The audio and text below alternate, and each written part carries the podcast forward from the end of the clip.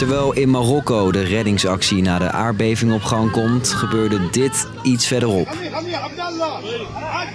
Storm Daniel trekt over Libië. En nu pas wordt duidelijk hoe dodelijk die storm was. Er wordt nu al rekening gehouden met 5200 doden en er waren al 10.000 mensen vermist. Volgens de Libiërs is de schade zo groot doordat de twee regeringen in het land met elkaar overhoop liggen. Er is hierover wel ook al woede. Woede dat zoveel verwoesting eh, deels waarschijnlijk had kunnen worden ingeperkt als die dammen wel behoorlijk waren onderhouden. Ik ben Steef en ik leg je uit waarom de natuurramp in Libië ook een politieke kwestie is. Lang verhaal kort. Een podcast van NOS op 3 en 3FM. Als je op het Griekse eiland Kreta een bootje pakt en in een rechte lijn naar beneden vaart, bots je uiteindelijk op Derna, een stadje aan de oostkust van Libië, ongeveer zo groot als Maastricht. Hier komt dit weekend storm Daniel aan land.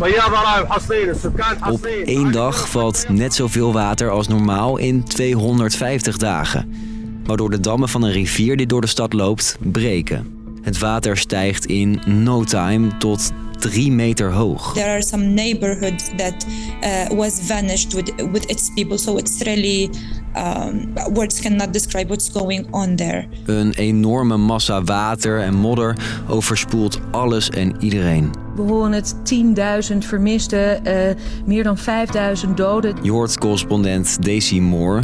Ze legt uit waarom het lastig is om te checken of deze aantallen precies kloppen. En dit is dan een land in oorlog, chaos, waar uh, statistieken en zo sowieso niet zo uh, goed werken. Ziekenhuizen zijn nauwelijks operationeel in het gebied. Um, mensen worden bovendien vrijwel meteen begraven. Gevreesd wordt dat er dus nog veel meer mensen zijn omgekomen. Volgens hulporganisaties liggen ook nu nog overal lichamen in de zee, in de valleien rondom de stad en onder gebouwen. Maar de kans bestaat natuurlijk ook dat we het exacte aantal doden nooit echt zullen weten.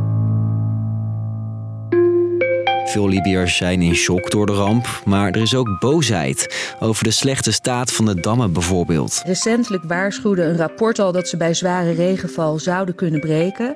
Maar uh, ja, de autoriteiten hebben toen geen actie ondernomen. Nee, en dat heeft te maken met de ligging van Derna. In 2011 breekt in Libië een opstand uit, waarbij uiteindelijk deze man om het leven komt.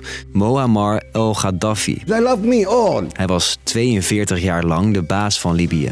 Na zijn dood valt het land uiteen in twee kampen. De regering van premier Daiba. Hij bestuurt het westen van het land vanuit de hoofdstad Tripoli. En zijn regering wordt erkend door de westerse wereld. In het oosten van Libië is deze man de baas.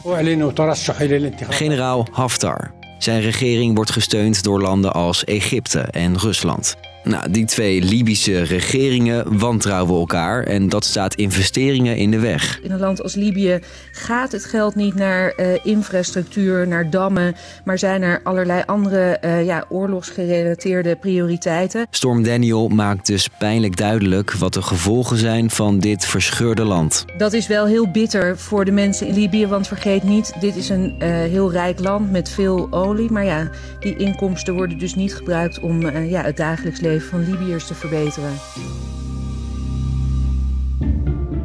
Libië heeft dus hulp nodig, zeker ook vanuit het buitenland. Maar krijgen zij die hulp? Daisy? Nou, het komt uh, langzaam op gang. Uh, Turkse en Egyptische hulptroepen uh, zijn in Libië aangekomen. En ook het Rode Kruis is in het gebied om mensen te redden uit het water, maar ook uit auto's, uit woningen. Je hoort Nicole van Batenburg, woordvoerder van het Rode Kruis. Ja, en mensen hebben gewoon echt een tekort aan alles. Maar makkelijk gaat dat hulpgeven niet, zegt Daisy. Want het is ook een hele lastige plek. Oost-Libië, veel logistieke hobbels. Het is natuurlijk een gevaarlijk gebied. En ook bij de hulpverlening helpt de politieke situatie met twee regeringen die het allebei voor het zeggen willen hebben niet echt.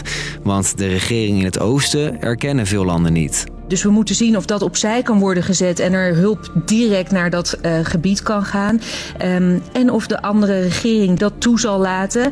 Want wat we zien is dat zij graag de regie in handen houden. Inmiddels heeft het Rode Kruis een Giro-nummer geopend voor Libië. En op die manier kunnen wij hopelijk zo snel mogelijk ook in Libië helpen. Maar als er straks allemaal geld is verzameld, dan is het volgens correspondent Daisy nog wel de vraag wie al dat werk straks zal gaan uitvoeren. Want in het gebied zijn niet erg veel internationale organisaties op grote schaal actief. Dus, lang verhaal kort. Storm Daniel heeft voor een hoop schade gezorgd in Libië. Duizenden mensen zijn omgekomen. Dat er zoveel schade is, komt ook door politieke spanningen. Er wordt maar weinig geïnvesteerd in onderhoud van dammen. En ook de bruggen en wegen zijn vaak slecht, wat hulpverlening nu lastig maakt. Was hem weer voor vandaag. Morgen droppen wij weer een nieuwe aflevering in je app.